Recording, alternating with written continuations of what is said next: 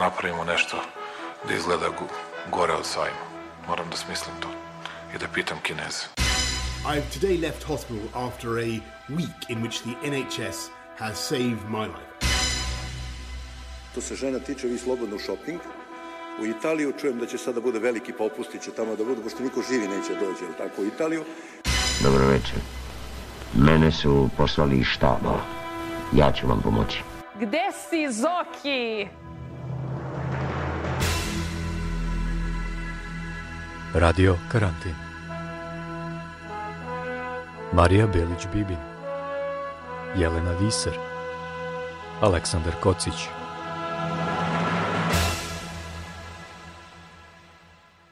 Dobrodošli u još jednu epizodu Radio Karantin podcasta gde ćemo pričati o turizmu u vreme pandemije koronavirusa. Moje ime je Marija Belić-Bibin i nalazim se u Novom Sadu. Sa mnom je Jelena Viser koja je u Utrehtu, a u ovoj epizodi naš gost je profesor dr. Igor Stamenković sa Departmana za geografiju, turizam i hotelijerstvo Univerziteta u Novom Sadu. Izbijanje COVID-19 širom planete zaustavilo je svet, a turizam je jedna od najteže pogođenih grana privrede. MMF je upozorio da se područja zavisno od turizma suočavaju sa najdubljom recesijom u više od pola veka. Igore, kada sve ovo čujemo, neminovno je sada pitanje. Ima li nade uopšte za oporavak globalnog turizma u neko skorije vreme? Očekuje se negde u oktobru, novembru da će se vidjeti prvi ti neki zvanični efekti, ali ono sa čim se većina ljudi u turizmu slaže da će se posljedice uh, osetiti naredne dve, tri godine sigurno, a možda i duže, uh, iz mnogih razloga. Uh, evo recimo, uh, jedan od razloga je uh, imali smo nedavno situaciju recimo, sa renta car kompanijama koje ne znaju šta da rade, kako da, da sad da iskoriste svoje kapacitete, uh, imaju problem sa kreditima, sa automobilskom industrijom. Uh, avio saobraćaj, dobro, pre jedno mesec dana uh, se pričalo da će cena karte na, vi, na daljim prekookeanskim relacijama da se udvostruči, utrostruči, zato što će se prodavati svako drugo ili treće sedište. Uh, hoteli su, recimo, na primjeru Novog Sada, u velikom problemu. Uh, u Novom Sadu trenutno žele da osnuju svoju asocijaciju, da se izdvoje iz udruženja ugostitelja Novog Sada kao posebna asocijacija kako bi mogli da traže uh, uh, i da upute vladi neki svoj predlog mera, zato što su i hoteli i dalje prazni. Ja sam se čuo sa nekim mojim prijateljima u Beogradu, isto malo pripremajući za ovu emisiju, apsolutno i dalje gotovo ista situacija, u nekim hotelima možda par procenata do 10-15% neka popunjenost i to nekih repova koji su imali nekih bukiranih stvari od pre još možda godinu dana.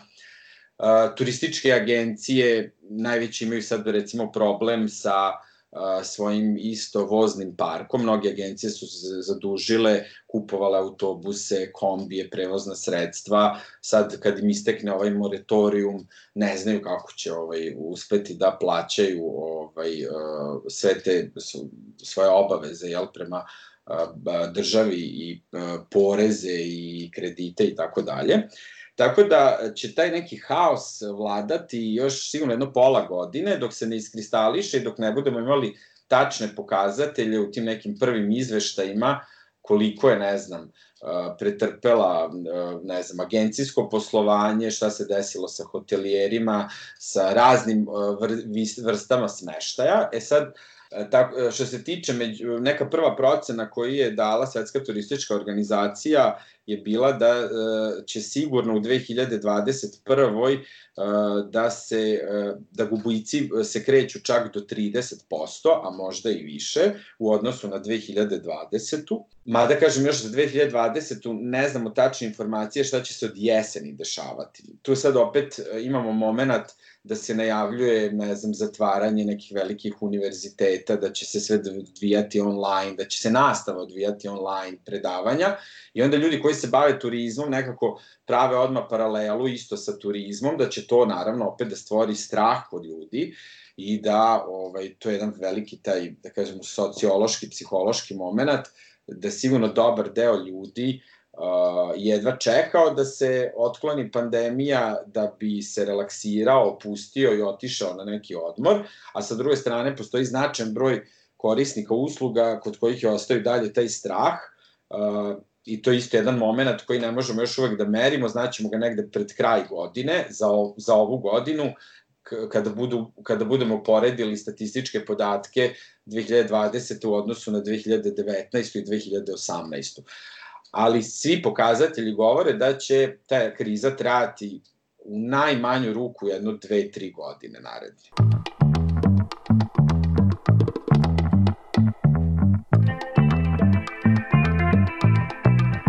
Radio karantin. Nemačka je tipična turistička sila, vele sila koja ima problem sa domaćim turizmom, zato što Nemci, prvo što u svom posedu imaju da kažemo, velike investicije širom sveta na atraktivnim destinacijama, vlasnici su mnogih hotela, imaju najveće tur operatore i tako dalje. Nemačka recimo do sada kuburila sa tom činjenicom da oko skoro 80% stanovnika odlazi van Nemačke da letuje i da putuje širom sveta. I to je u Nemačkoj stvarao jedan problem razvoja domaćeg turizma, zato što su oni svi odlazili jel, mahom iz svoje zemlje. To je isto recimo bio slučaj i kod nas. Tako da sa, sa aspekta recimo razvoja domaćeg turizma svima je sada ova situacija ok, zato što će na, konačno neke zaboravljene destinacije, neki oblici turizma koji nisu bili dovoljno razvijeni ili su bili u povoju konačno dobiti neku svoju publiku i goste. Tako da s te strane svim zemljama će biti uh, sasvim u redu ova situacija, jer će ljudi ostajati tu gde jesu i tražit će neke alternativne načine da provedu svoj godišnji odmor i da se odmore. E sad, e, e, svakako će, kada u pitanju e, kontinentalni turizam, države poput Španije i Italije, tu gde je naravno bila najveća koncentracija, Francuska, Velika Britanija, pretrpeti te negativne efekte zato što je ostala ta jedna, kako kažem, jedna teška slika, jel, onog svega što smo gledali preko televizije i one brojke koje su se pojavljivale svakog dana o broju umrlih, zaraženih i situacije u tim zemljama. Što se tiče primorskih destinacija, one će dalje ostati atraktivne, zato što prosto većina ljudi ovaj, i dan danas putuje na obale mora i okeana i to je, da kažemo, jedan način odmora koji najvećem delu ovaj, ljudi odgovara. E sad, postoji taj moment poslovnih putovanja, to je bio značajan segment u tom ukupnom broju u toj globalnoj statistici, city breaka, majs turizma, raznih događaja, event turizma koji se održavao širom sveta. A ovaj, tako da će, što se tiče poslovnih putovanja, otkazani su uh, veliki kongresi, konferencije, samiti, uh, videli smo jeli, sportski događaj, razni kulturni događaj, tako da će s te strane uh, destinacije, opet kažem Francuska, recimo Španija, Italija, koja ima veliki broj muzeja i galerija, uh, atraktivnosti koje su u tom kontinentalnom delu, koje su vezane za arheologiju, za neku istoriju, istoriju umetnosti, pretrpeti veliku, veliki gubitak. Radio karantin. Međunarodna asocijacija za vazdušni saobraćaj ocenila je da će kriza u avio saobraćaju zbog korona, pandemije koronavirusa doneti gubitak od 84 milijarde dolara i da će se ova godina smatrati najgorom godinom u istoriji avionske industrije. Hoćemo li mi ponovo moći da putujemo avionom za male pare? Je li ovo uvod u nestanak low cost aviokompanija i letova koji koštaju desetak dolara ili evra?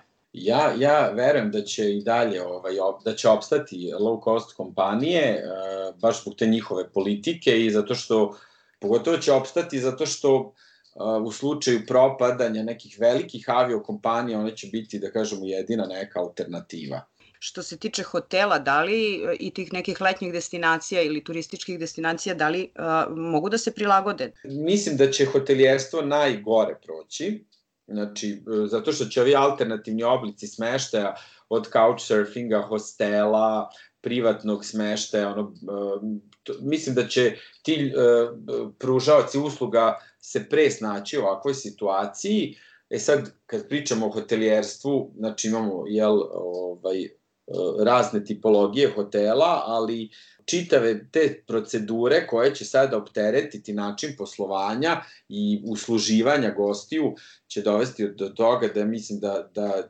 značajan broj hotela neće ni biti otvoren ove sezone. Jelena Viser Marija Belić-Bibin Aleksandar Kocić Radio Karantin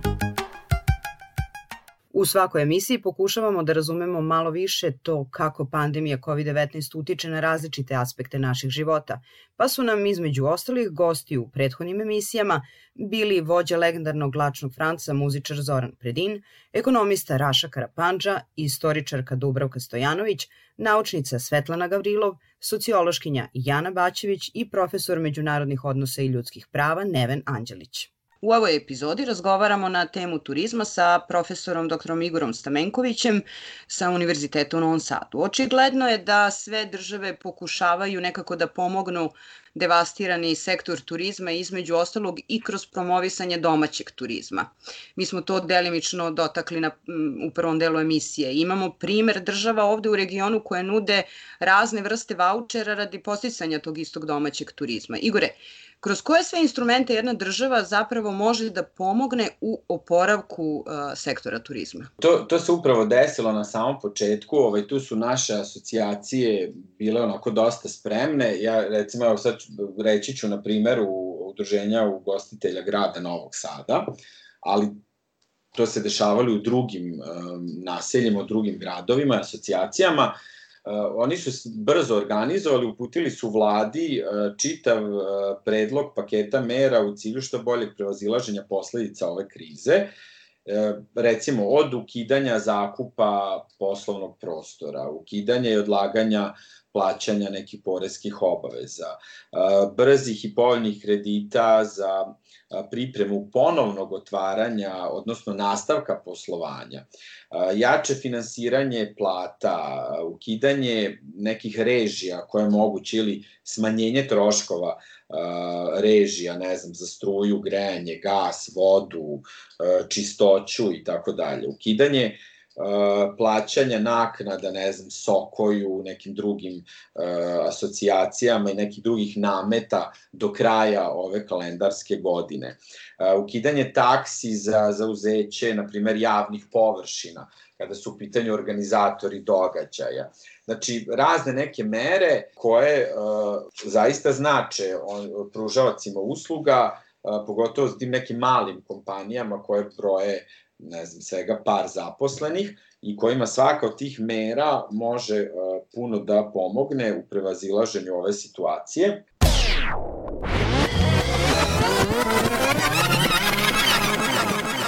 Radio Karantin Slušali ste još jednu epizodu Radio Karantin podcasta. Nastavite da nam šaljete vaše lične priče, da nas slušate i pratite na Soundcloudu, Facebook stranici, a možete nam uvek pisati i putem e-maila radiokarantin.podcast.gmail.com. Pozdravljaju vas u realizaciji ove epizode Jelena Viseri i Marija Belić-Bibin, uz nas uvek prisutni, čak i kad se ne čuju, Aleksandar Kocić i Ivan Tomić. Do sledećeg slušanja, ostanite nam zdravi.